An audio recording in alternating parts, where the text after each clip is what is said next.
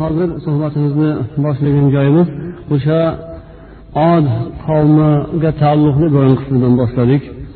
Alloh taolo aytadiki ey muhammad sizning robbingiz parvardigoringiz od qavmiga qanday muomala qilganini ko'rdingizmi? Irom shahridagi yoki ba'zi bir rivoyatlarga qaraganda irom qabilasiga ollohni qilgan muomalasini ko'rdingizmi? Imod deb alloh taolo bularni sifatlarini ham keltiryaptiki ular asosan cho'li sahroda yashar ekanlar. Katta katta chodirlarni yungdan yundan to'qilgan chodirlarni qurib uni ustunlar bilan qoziqlar bilan mustahkamlab o'shani ostida hayot kechiradigan xalqlar bo'lgan ekanlar. Va yana ularni deb ta'rifladi tavsifladiki ularga o'xshagan qabila boshqa joyda yaratilmagan edi. Ya'ni quvvatlari kuchlari juda yuqori darajada juda ham bir kuchli juda ham bir quvvatli qilib alloh taolo ularni jismlarini jasadlarini bahaybat qilib yaratgan ekan. Bu qavm od qavmi hazrati nuh payg'ambardan keyinroq o'tgan. Nuh payg'ambarni go'yoki navara chavaralaridan hisoblanar edilar. Ya'ni nuh alayhissalomni o'g'illari somdan tarqalgan qabilalar edilar. Shuning uchun ham boshqa oyatlarda alloh taolo zikr qilgan ediki mana shu od qavmiga qarab sizlarni alloh taolo nuh qavmidan keyin yer yuziga xalifa qilib qo'ydi. Nuhdan keyin sizlar merosxo'r bo'lib dunyoni yerni egalari bo'ldilaringiz. Alloh taolo sizlarni jismu jonlaringizni badanlaringizni jasadlaringizni juda mustahkam quvvatli qilib yaratdi. Sizlarga ko'p ne'matlarni ato qildi shuni eslanglar deb alloh taolo eslatgan edi. Ya'ni nuh payg'ambar zamonlarida bo'lgan to'fon balo ofat buni bilasizlar.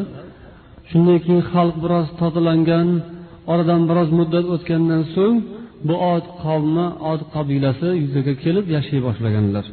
Va ularni ham ichlarida fasod buzg'unchiliklar paydo bo'la boshlagandan keyin alloh taolo ularga bu nasihatni yubordiki yaqinda eslaringizdan chiqdimi axir? Nuhni qavmini biz halok qilgan edik. Keyin sizlarni o'shalarni ishlaridan sog' salomat qutqarib olgandik. Ya'ni nuh payg'ambar zamonlarida iymon keltirgan kishilarni alloh to'fon balosidan asrab sog' salomat saqlagan edi. Mana bu odi qavmi qabilasi o'sha salomat qolganlarning bolalari edilar. Ya'ni sizlarni salomat saqladik sizlarga ne'mat berdik deganda ota bobolaringizni shunday bir biz siylab sog' salomat saqlab qoluvdik sizlar ham o'shalardansizlar. O'shalarni eslaringizdan chiqarmanglar. Yer yuzida fitna buzg'unchilik qilmangizlar deb olloh eslatdi. Lokin allohni nasihatlarini bular qabul qilishmadi. Yaxshilikni qadrini bilishmadi. Alloh ularni bir balodan ofatdan to'fondan asraganini qadriga yetmasdan yana yer yuzida buzg'unchilik qildilar. Ularni qanday jazo bilan halok qilganligi ham ma'lum. Bir hafta davomida to'xtatmasdan qattiq bir dahshatli shamolni yuborib ularni alloh taolo hammalarini halok qildi hammalari yer bilan yakson bo'lib yo'q bo'lib ketishdi bu dunyodan. Ulardan keyin qavmni deb samud qavmini olloh eslatyapti. Samud degan ham qavm qabila ulardan keyinroq dunyoga kelishdi. Ularni ham xudo bergan quvvatlari bor edi. Toshlardan katta katta xarsanglarni kesib keltirib shulardan imoratlarni qilib yashardilar.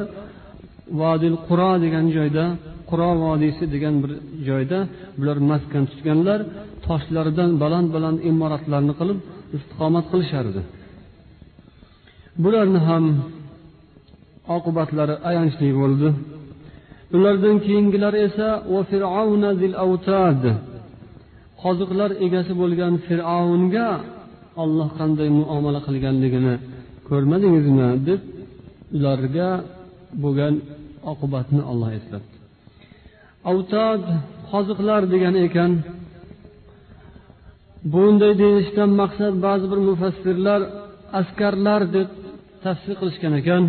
Fir'avnning soldatlari askarlari ko'pligidan olloh ularni qoziqlar deganda shu nazarda tutilgan deydilar. Xuddi qoziq qoqib qo'yganday qimirlamasdan shuni aytganini bajo qilib turadigan bir qancha askarlari bor bo'lgan fir'avnning oqibati nima bo'ldi? Uni odamlari uni askarlari nima qilib berdi fir'avnga? Uni qutqarib qoldimi? Azobi uqubatdan halokatdan daryoga suvga g'arq bo'lishdan. Qutqarib qolmadiku oxiri nima bo'ldi? Shuni eslanglar degan mazmun. Yoki bo'lmasam ba'zi birlar bu avtobdan murod qoziqlar bu fir'avndan murod o'sha muso alayhissalom zamonlaridagi fir'avn edi. Chunki fir'avnlar ko'p o'tgan misrdagi podsholarni otni fir'avn deyishardi. Xuddi imperator yoki boshqa deb umumiy nom bilan nomlashgandek fir'avn bu misr podshohlarining umumiy laqablari nomlari edi. Bu yerda zikr qilingan fir'avn muso alayhissalom davrlarida zamonlarda o'tgan fir'avn edi. Avtodlar qoziqlardan murod esa mana hozirgi kungacha saqlanib kelgan ehromlar yoki piramidalar deb aytishadilar. Ana shu narsalarni yasagan qurdirgan fir'avn. Haqiqatdan xudoyim bularga aql bergan quvvat bergan kuch bergan tadbir bergan hozirgi kungacha ham shu fir'avnni qurdirgan piramidalarini ehromlarini ko'rganlar hayratdan yoqa ushlaydilar judayam bir ajoyib g'aroyib tarzda qurilgan. Uni qanday qilib o'sha zamonda fir'avn zamonida hech bir texnikasiz hech bir taraqqiyotsiz qanday qilib qurilganini hozirgi kungacha ko'p olimlar yecholmasdan boshlari qotib yotadi. Shu darajadagi quvvatni xudoyim sizlarga bergan. Ho'p shuncha aqli bor ekan o'shancha quvvati bor ekan o'shancha qudrati bor ekan. Oxiri nima bo'ldi? Gap shu yerda. Gap uning quvvatida emas gap uning aqlida emas. Uni hiylasida tadbirida ustabonligida uddabronligida yulduzni narvonsiz urishida emas. Gap oqibatda oqibat nima bilan tugadi? Oqibat xorlik bo'ldi rasvolik bo'ldi. Oqibat ayanchli halokat bo'ldi. Alloh taolo judayam bir xorlab uni dunyodan jo'natdi xorlab o'ldirdi halok qildi. Ularning hammalari yer yuzida olloh yaratgan bu olamda shaharu qishloqlarda mamlakatlarda ular fasodni ko'paytirib yuborishdi. Buzg'unchilikni ko'paytirib yuborishdi. Tug'yon haddan oshishni ular ko'paytirib yuborishdi. Shundan keyin alloh taolo ularga azob qamchinlarini azob yomg'irlarini yog'dirdi ularga. Fasod. Xudoyim agar ba'zi bir narsa quvvat ilm yoki aql boylik shunga o'xshagan narsalarni berib qo'ysayu insonda bandasida iymon e'tiqod bo'lmasa din diyonat bo'lmasa bu albatta fasodga borar ekan tug'yonga borar ekan. Aqli ko'p odam ham juda aqlli bo'lib ketsayu lokin iymon din bo'lmasa uni ham natijasi tug'yon. Juda ilmli olim bo'lib ketgan bo'lsa ham alloma zamon bo'lgan bo'lsayu dini bo'lmasa uni ham oqibati natijasi fasod tug'yon yoki bo'lmasam pul ham shunaqa. Mol dunyo agar ko'payib ketsayu o'sha yerda din diyonat iymon bo'lmasa uni ham oxiri nuqtasi bitta natijasi tug'yon. Tug'yon fasod. Tug'yondan keyin fasod buzg'unchilik rasvolik. Jamiyat mamlakat hammayoq buzilib rasvosi chiqib ketadi.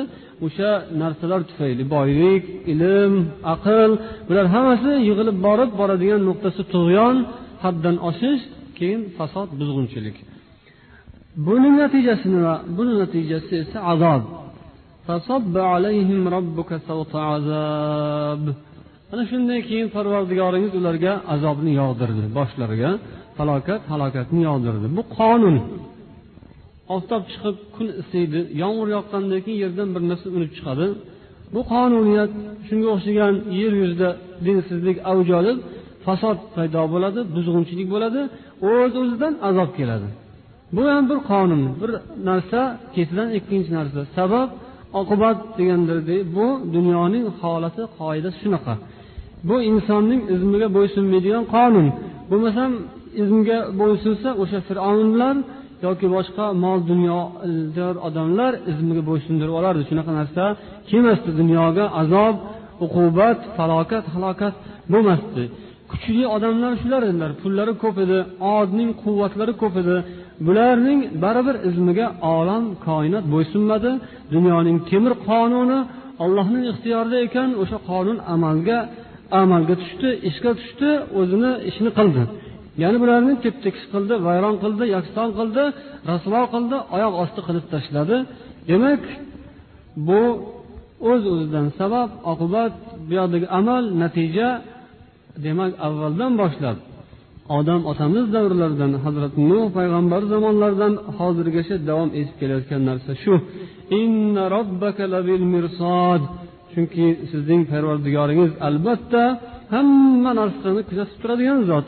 Hech bir zarra allohning nazaridan chetda qolib ketmaydi. Shuning uchun ham dunyoda har narsani chegarasi bor o'sha chegaraga yetganda albatta ichiga kirgizib turiladi. Ma'lum bir me'yor ma'lum bir miqdorni ichida qilganligini qiladi lekin haddan oshib ketgandan keyin o'sha yerdan to'siladi.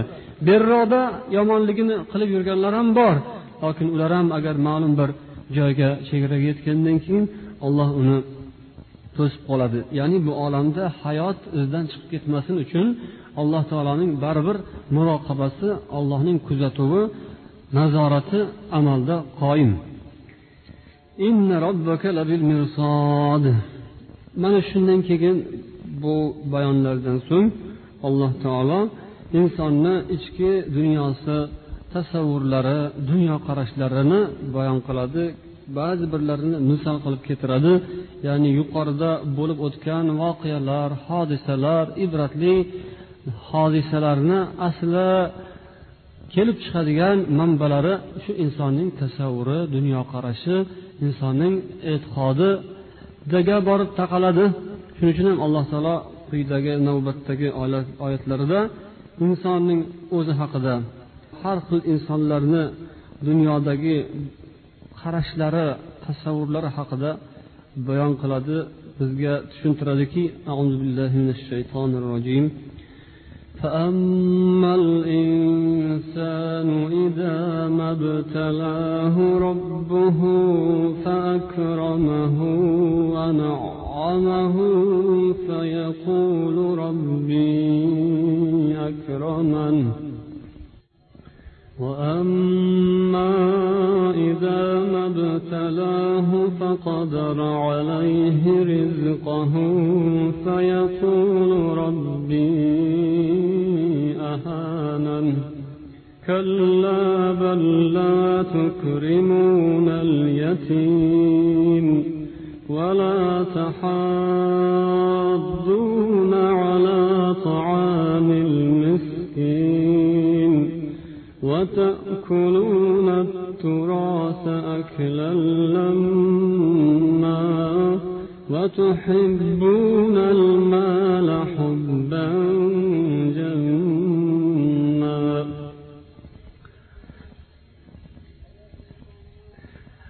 agar insonni parvardigori uni imtihon qilib dunyoda uni biroz hurmatini ko'tarib unga ne'mat bersa darrov u inson aytadiki mana robbim parvardigorim mani hurmatli izzatli qilib qo'ydi. Men shunga munosib bo'lganim uchun alloh taolo meni hurmatladi. Demak man shunga munosib ekanman. Man yaxshi odam ekanman. Demak mani darajam boshqalarga qaraganda ortiqroq ekan. Shuning uchun xudoyim menga hurmat berdi izzat berdi. Xudoyim mani shunday izzat ikromini qilib darajamni ko'tarib qo'ydi deydi. Ammo uni yana robbisi parvardigori sinov uchun imtihon qilib uni rizqini biroz toraytirib qo'ysa ozaytirib qo'ysa rizqini biroz tanobini tortib qo'ysa u darhol aytadiki voy xudo mani xor qildi. Xudo manga aytganimni bermadi. Mana dunyomni toraytirib rizqimni tirikchiligimni qiyinlashtirib qo'ydi. Xudo mani xor qilyapti deydi. Lokin buning bahosi buning javobi qanaqa bo'ladi? Haqiqatdan ham shundaymi? Xudo alloh taolo birovga ko'p narsa bergan moli dunyo bergan pul bergan hammasidan bergan. Oqidan ko'kidan sariqdan qizildan hammasidan bergan birovga. Miniladigan markablarni ham xohlagandan bergan. Ho'p shu xudo o'sha odamni yaxshi ko'rib qolibdiyu boshqalardan qandaydir bir chiroyliroq ortiqroq joyi bor ekanu afzal joyi bor ekanu shuning uchun xudo berib qo'ydimi? Mana bu odamni gapiga qarasak mana olloh mana ikrom qilib qo'ydi izzat qilib qo'ydi izzatli qildi olloh deyapti. Ikkinchisi esa buning aksi. Kalla yo'q bu gap to'g'ri emas. Sizlarni bu o'lchovlaringiz noto'g'ri xato o'lchov. Xudo birovni yaxshi ko'rib qolgani uchun unga ko'p mol dunyo berib yana kimnidir yomon ko'rib qolgani uchun rizqini tortib tang qilib qo'ymaydi. Kimnidir rizqi agar tang holatda o'tayotgan bo'lsa xudoyim mani shunday xor qildi demasin. Bu xorlik emas. Hali u haqiqiy xorlikni ko'rmabdi. Haqiqiy xorlik bu endi bo'ladi. U kengroq bo'ladi. Shu dunyoda ko'rgani ozgina qiynalganini ozgina mashaqqat chekkanini darrov xudoniga uni ta'na qilgandek bo'lib mana xudo xor qilyapti demasin bu anunga bergani izzat ikrom emas. Hali izzat ikromni haqiqiysi boshqacha bo'ladi. Bu o'ylagan bo'lsa ho mani xudoyim juda yaxshi qilib qo'limni qayoqqa cho'zsam yetadigan qilib qo'ygan hech mani g'amim yo'q. Hech tashvishim yo'q hech ham noroziligim yo'q. Mana biz juda topdik izlaganimizni. Biz juda hurmatda ehtiromdamiz deyayotgan bo'lsa bekor aytibdi. Agar shuni u hurmat ehtirom deb bilgan bo'lsa shu bilan qolaveradi. Unga undan ortig'i ham hali u yoqda ko'radiyu lokin ko'rmoq bor unga yetishmoq yo'q. Oxiratdagi jannatdagi haqiqiy izzati ikrom u yoqda turibdi. Kimki buni izzat ikrom deb bilsa bunisidan mahrum bo'ladi. Yoki bu dunyodagi ozgina qiyinchilik mashaqqatni xo'rlik deb bilgan bo'lsa u ham chatoq o'chlabdi u ham shoshilmasin haqiqiy xorlikni xudo hali ko'rsatib qo'ymasin tag'in. Undan qo'rqish kerak. Olloh aytadi kalla. Unaqa emas sizlarni o'ylaganlaringizdek emas. Sizlar o'ylaganingizdek yoki sizlarni atroflaringizdagilar o'ylagandek allohning hurmati yoki xorlashi bu mol bilan bo'lmaydi pul bilan martaba mansab bilan bo'lmaydi. Olloh yaxshiga ham mol beradi yomonga ham berishi mumkin. Olloh yaxshini ham rizqini toraytirib qo'yishi mumkin yomonni ham rizqini toraytirib qo'yadi. Bu hammasi faqat ibtilo uchun ya'ni imtihon uchun. Imtihonda har xil savol beriladi. Birovga yengilroq savol tushadi birovga qattiqroq savol tushadi. Lekin u bilmaydi qanaqa savol tushishligini. O'ziga qolsaku yengil yengil savoldan bo'lsa deb turadi. O'ziga qolsaku hech savol bo'lmasa deb turadi. Hech imtihon bo'lmasa darrov shu beshni olsayu xursand bo'lib chiqib ketaversam deydi. Lokin uni aytganicha bo'lmaydi. Imtihon har xil bo'ladi. Toki yaxshilikka moli dunyoga erishganlar shukur qilsin boshqalarni esdan chiqarmasin. O'zini bosar tusarini bilmay qolmasin hovli qilib ketmasin ollohdan ekanligini bilsin dunyoga kelganda qoq quruq qo'l bilan hech bir kiyim boshsiz yalang'och holatda kelganini eslasin ketar vaqtida ham xuddi shunday bo'lishini eslasin bu molu dunyo keladigan ketadigan narsa ekanligini eslasa buni izzat hurmat deb o'ylamaydi. Alloh taolo kimgadir nimadir bermagan bo'lsa u ham o'zini ja past olmasin o'zini xorlangan hislamasin. Hali haqiqiy hisob kitob baho oxiratda bo'ladi. Dunyoda undan ham ko'ra hech narsasi yo'q undan ham ko'ra rizqi tangroq bo'lgan odamlar ko'p. Dunyoda hech narsa berilmagan lokin payg'ambarlik berilgan kishilar ham bo'lganlar. Hazrati iso alayhissalomga o'xshagan olloh u kishiga hech narsa bermagan ekan hech narsa mol dunyolar bo'lmagan. Lokin xo'rlagan deb aytib bo'lmaydi. Eng aziz inson ollohning aziz bandalaridan yoki hazrati sulaymon payg'ambarga alloh taolo payg'ambarlik ham berdi podshohlik ham berdi. Ha bu to'rt uch to'rt tanga topib olib yo bir ikkita mashinani minib olib yoki u yerdan bu yerdan besh oltita joy hovli joylarni qilib olib shu bilan xursand bo'lmasin. Hammasi emas bu hali bundan ko'prog'i bor. Alloh taolo kimgadir podshohlikni ham payg'ambarlikni ham birga qo'shib bergan mahalda ular ham o'zini yo'qotib qo'ygani yo'q yoki hech narsa bermasa ham. U yog'i ham bu yog'i ham hammasi ibtilo uchun ya'ni sinov uchun.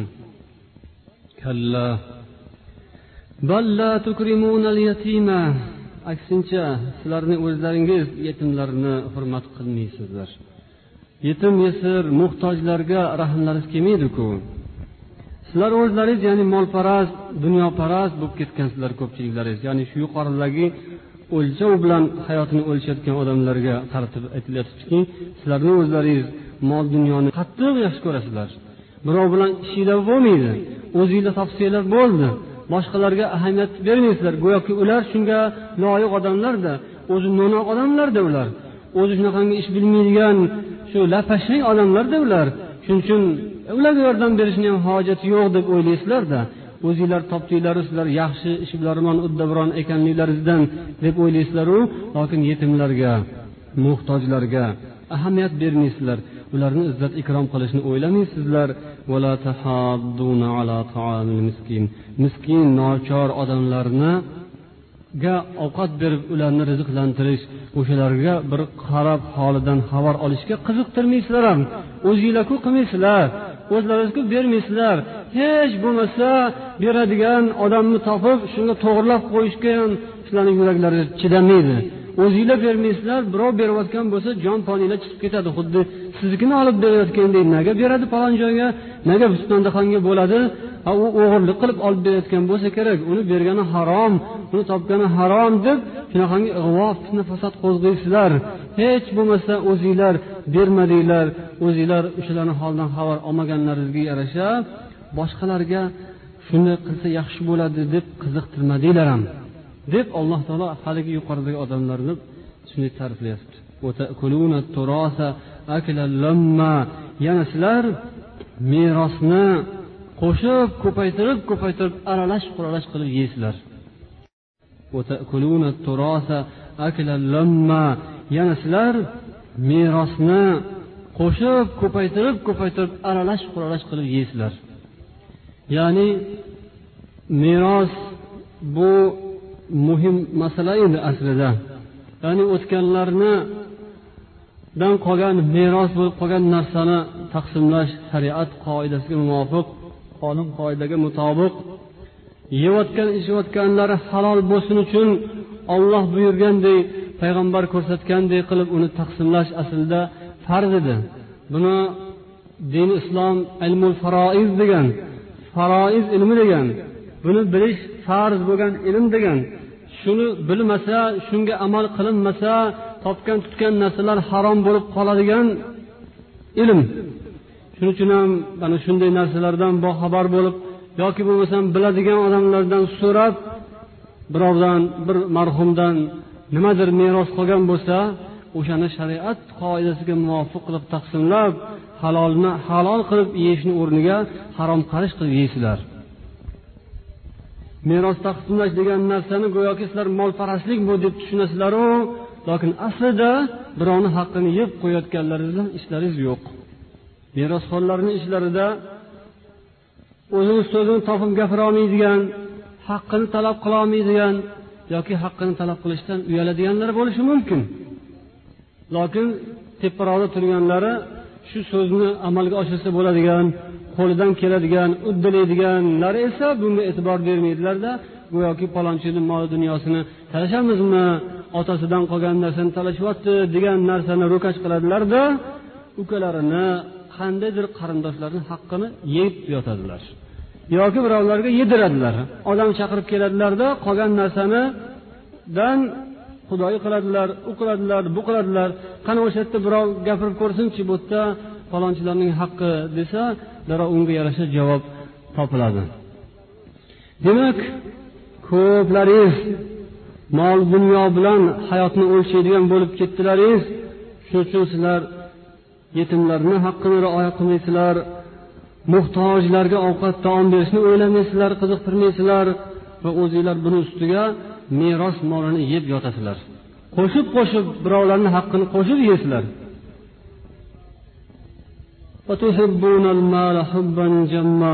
moli dunyoni judayam yaxshi ko'rasizlar qattiq yaxshi ko'rasizlar.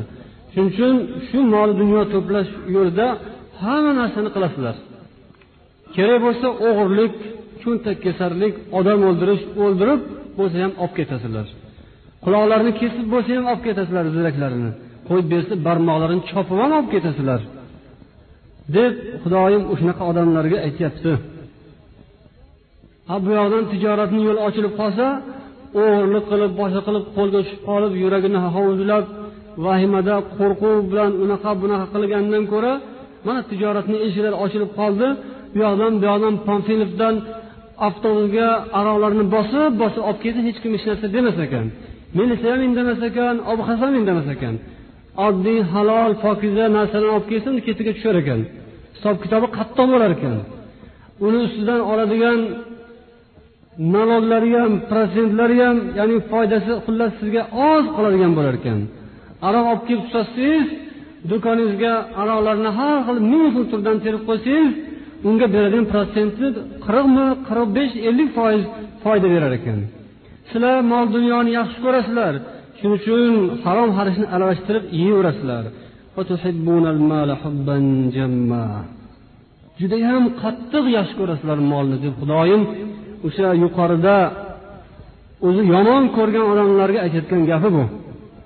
Tanqid qilib harom yeyapsizlar yomon odamlarsizlar deb xudoyim qandaydir bir toifani bir hovuch odamlarni tanqid qilib qoralab aytayotgan gapi bu. Islom aqidasi islomiy tasavvur falsafasi yo'q odamlarga aytayotgan gapi. Chunki yuqorida deb yana bu yerda iymon e'tiqodi sust yoki yo'q odamning mafkurasini aytdi. Ular mol dunyo kelsa xursand bo'ladida xudoyim uni yaxshi ko'rgani uchun. Xudoyim uni ja oshig'ini ochiq qo'ydi. Yaxshilik deb tushunadida o'zini izzat ikromda deb o'ylaydi. Olloh esa kalla deyapti yo'q unaqa emas. Senlarning gaping noto'g'ri gap. Xudoyim unaqa qilib siylamaydi. Nima bo'lmasam buning sababi sababi shuki sizlar mol dunyoni yaxshi ko'rasizlar. Sizlar birovni haqqini yeyishdan hazar qilmaysizlar. O'shaning uchun bo'lyapti shunaqa narsalar. O'shaning uchun vagon vagon aroqlarni olib kelib kecha namoz o'qib yurgan yoki jumaga kelib yurganlar ham o'sha aroqlarni sotayotganlari onda sonda eshitilib qoladi. Yoki ba'zi bir hammasi emas ba'zi birlardan eshitib qolamizki cho'ntakkesarlik qilib yurgan yoki shunday bir harom xarish o'g'irlik bilan pul topib yurganlar bugun o'sha tomonga o'tib shunaqa ishlarni qilyaptilar ha demak harom xarish farqiga bormaydigan odamlar uchun bu qulay fursat bo'ldi. Uni men desa o'sha yoq borib olib borib kaltaklamaydi boshqa qilmaydi qamamaydi yoki bo'lmasam dabdurustdan o'sha birovni cho'ntagiga tushayotgan bo'lsa birovni narsasini olayotgan bo'lsa sal bir jahli tezroq odam ro'bara kelib qolib tumshug'iga to'rtta beshta tushunib och biqiniga besh olti marta urib tepib uni bir suyaklarini u yoq bu yog'ini sindirib qo'yish xavfi ham yo'q emasda sal bir jahli tezroq odamga ro'bara bo'lasan. Bu aroq sotgan paytda unaqangi xavfu xatar yo'q. Balki ularga yaxshi prilavkalar bor. Chiroyli qilib tuzib qo'yiladi. Haligi aytgandek boshqa tomondan protsentlar ham qo'shib beriladi. Foydasi bor uni. Kelib turadi oqib turadi. Mana shunday sizlar moli dunyoni yaxshi ko'rganlaringiz uchun yuqoridagi teskari tasavvurlarga mubtalo bo'lib qolgansizlar. دكت الأرض دكا دكا وجاء ربك والملك صفا صفا yo'q yuqoridagi ishlaringiz noto'g'ri o'sha qilib yurgan harom qilish ishlaringiz to'g'ri emas vaqtiki bu yer qattiq zilzilaga duchor bo'lib tilka pora qilib undagi narsalar hammasi chilparchin bo'lib ketsa. Va robbingiz hamda maloika farishtalar robbingiz kelsa maloika farishtalar saf saf bo'lib tizilib kelsalar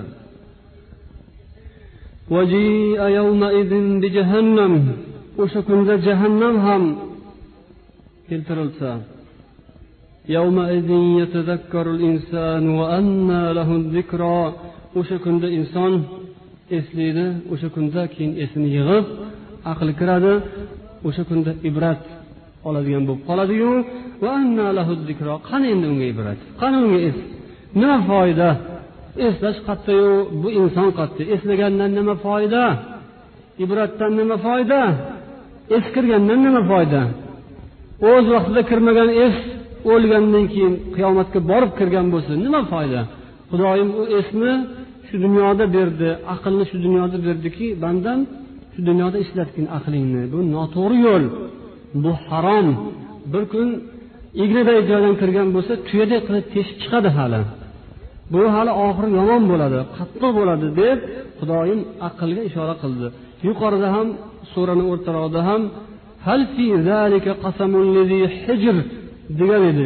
Aql egasi uchun shu qasamni shu yetarli qasam bo'ladimi shuning o'zi yetarli bo'lsa kerak axir. Bundan boshqa qasam bundan boshqa ta'kid bo'lmaydi. Aql egasi uchun deb xudo suraning avvalida aytgan edi.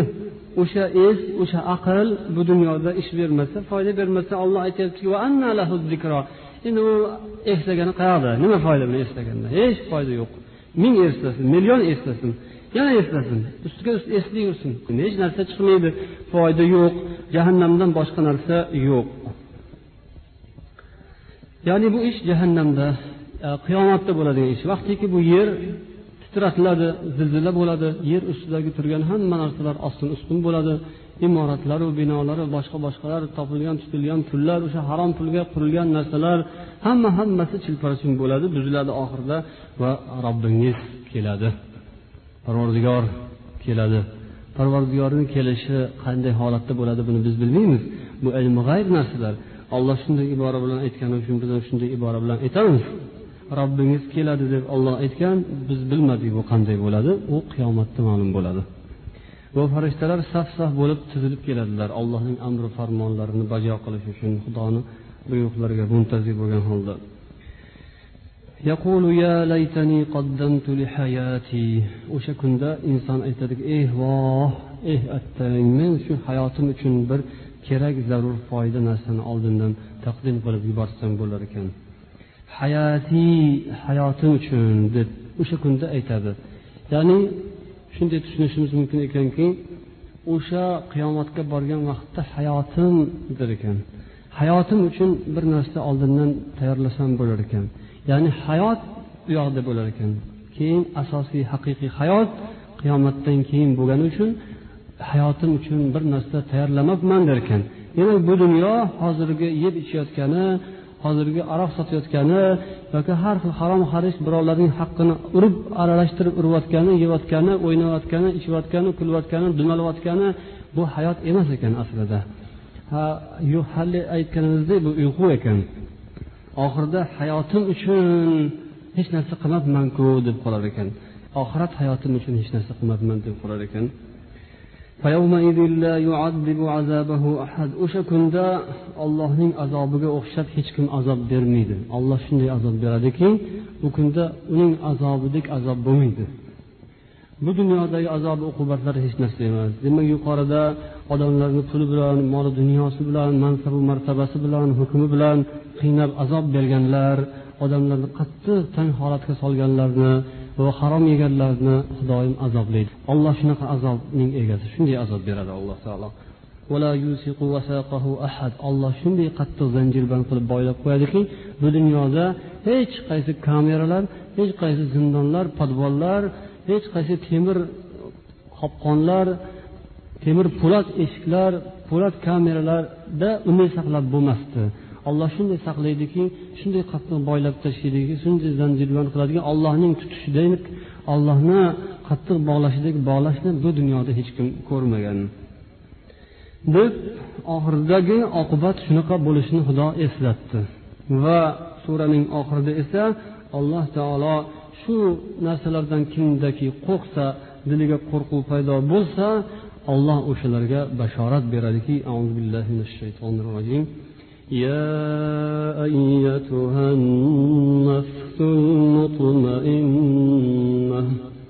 ارجعي إلى ربك راضية مرضية فادخلي في عبادي وادخلي جنتي ey osoyishta xotirjam jon ya'ni alloh taologa iymon keltirgan allohni muhabbati bilan qalbi to'lgan va bu yo'li haq ekanligini juda ham yaxshi bilgan shuning uchun osoyishta Alloh taolo oxiratda bunga ajr mukofot savob jannat berishi aniq. Shuning uchun osoyishta xotirjam. Shuning uchun u o'zini goh u cho'qqa goh bu olovga goh u haromga goh bu haromga uravermaydi u xotirjam osoyishta. Chunki alloh taolo rizqini berishini biladi va oxirida bu dunyoda agar sal kamroq bo'lgan bo'lsa ham ozmi ko'pmi nima bo'lgan bo'lsa ham mayli undan qat'iy nazar. Oxiratda ulug' mukofot jannat borligiga ishongani uchun ham xotirjam. Siz bir narsani bilasiz jim o'tirasiz. Ishonib ya'ni oldindan gaplashib qo'ygan bo'lsangiz bir joy bilan odamlar gaplashib qo'ymagan tanish bilish yo'q. O'zi u kassaga uradi bu kassaga uradi u yoqqa borib bu yoqqa chopib chopqillab yuribdi kimdadir. Ha kimdir xotirjam turibdi. Hamma hayron. E bunga hech narsa kerak emas shekilli. Nega bu jim o'tiradi?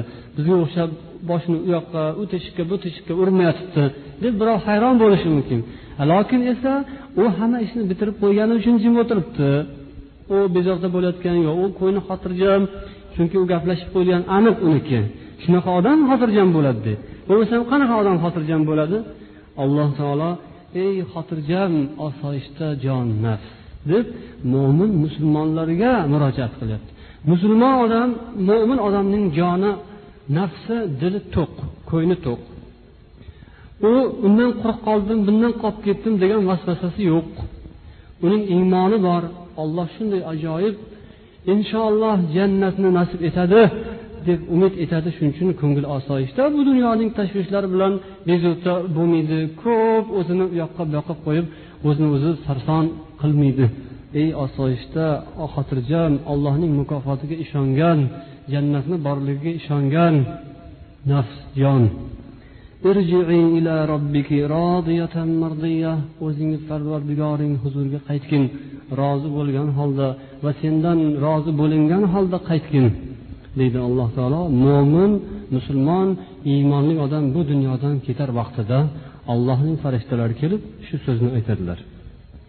Ya'ni hayotingni qo'lingdan kelgancha halol poklik ibodat bilan yagona allohning o'ziga sig'inib o'zidan qo'rqib o'ziga tavakkul qilib o'ziga muhabbat qilib o'tding sen xotirjam bo'lgin osoyishta bo'lgin robbing huzuriga rozi bo'lib rozi bo'lavergin rozi bo'ladigan ish senga. Sen xotirjam bo'l xursand bo'l rozi bo'lib va sendan ham rozi bo'lingan holda robbing parvardigoring huzuriga qaytgin. Meni bandalarim solih bandalarimning ichiga kirgin sen bu dunyoda aralash quralash bo'lib yomonlarni zolimlarni kofiru munofiq badbaxtlarni aziyatlarga sabr qilib chidab bardosh bilan iymoningni saqlab ularni gapi sabab bo'lib yo'ldan adashib ketmasdan haq yo'lda mustahkam turding. Ko'p aziyatlarga sabr toqat qilding. Yetar endi. Endi solih mo'min iymonli bandalarimni qatoriga o'tgin. Xotirjam joyga o'tgin. Mening jannatimga kirgin deydi. Bu holat uch o'rinda aytilar ekan. Inson omonat topshirish vaqti yetganda jon topshirish vaqti kelganda mo'min odam iymonli odamga shu so'z aytilar ekan. Farishtalar kelib omonatni topshirayotgan odamni tinchlantirib osoyishta qilib omonatini jonini qiynamasdan oladilar ekanlar. Keyingisi esa qabrdan turgan vaqtida qabrdan qiyomat bo'lib tirilib o'rnidan turayotgan vaqtida ham sen xotirjam bo'lgin qo'rqmagin. Bu atrof dahshat qo'rqinch hamma yoq ag'dar to'ntar ostin ustun yer osmondan asar yo'q. Osmonlar tars tars yorilgan yulduzlar to'kilgan hamma narsa portlagan hammasi izdan chiqqan. Oddiy bir kichkina zilzila bo'lsa ancha muncha odamni yuragi o'ynab kasal bo'lib qoladi. U qiyomatning dahshati oldida til ojiz lokin mo'min iymonli odamga esa shu tasalli kelar ekan. San xotirjam bo'lgin san tinchlangin tinchlan tinchlan bezovta bo'lmagin. Yana biri o'sha qiyomatni bu hozir qabrdan turilayotgan payti bo'lsa keyin qiyomatni og'ir holatlarida jannat ostonasida alloh taolo unga mana shunday marhamatni nasib etar ekan. Xudoyim hammamizga mana shu marhamatni o'zi ato qilsin. Bu dunyoni harom xarishlardan xudo hammamizni asrasin. Shu harom xarishdan saqlanib birovlarga ozor zulm yetkazib qo'yishdan birovni nohaq birovga jabr yetkazib qo'yishdan xudo asrasinu. Oxiratda xudoni alloh taoloning mana shu ulug' marhamatiga o'zi muyassar aylasin. Shu o'rinda so'zimizning oxirini mana tafsirlarda keltirilgan bir hikoya bilan tugatamiz. Al hofiz muhammad ibn munzir al hiroviy degan odam o'zlarining kitoblarida bir hikoyani keltirgan ekanlarki ibn razin abi hoshim degan kishi hikoyalari. Rum mamlakatlaridan birida g'azotda jihodda yurgan vaqtimizda qo'lga tushib qoldik.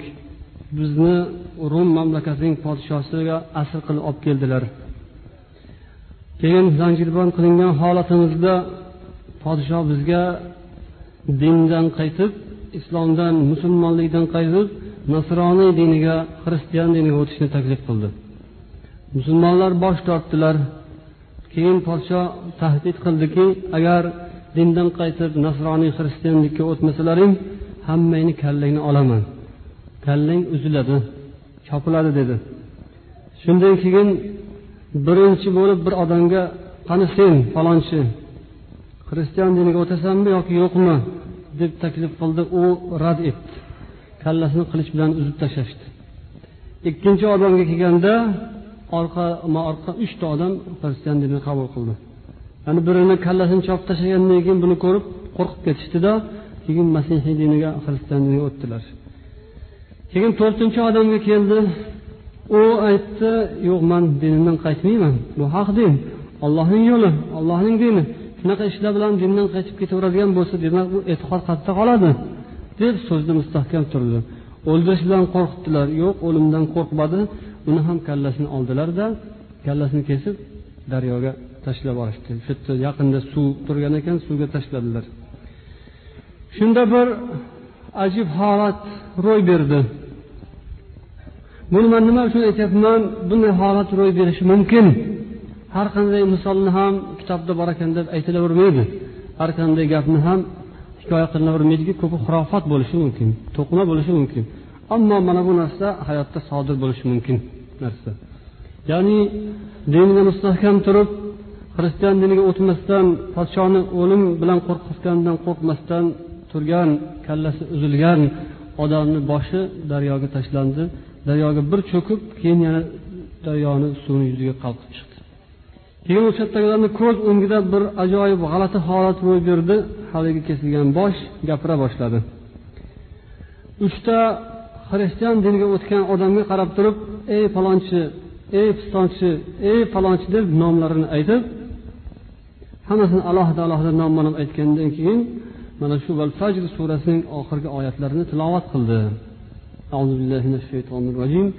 يا أيتها النفس المطمئنة ارجعي إلى ربك راضية مرضية فادخلي في عبادي وادخلي جنتي.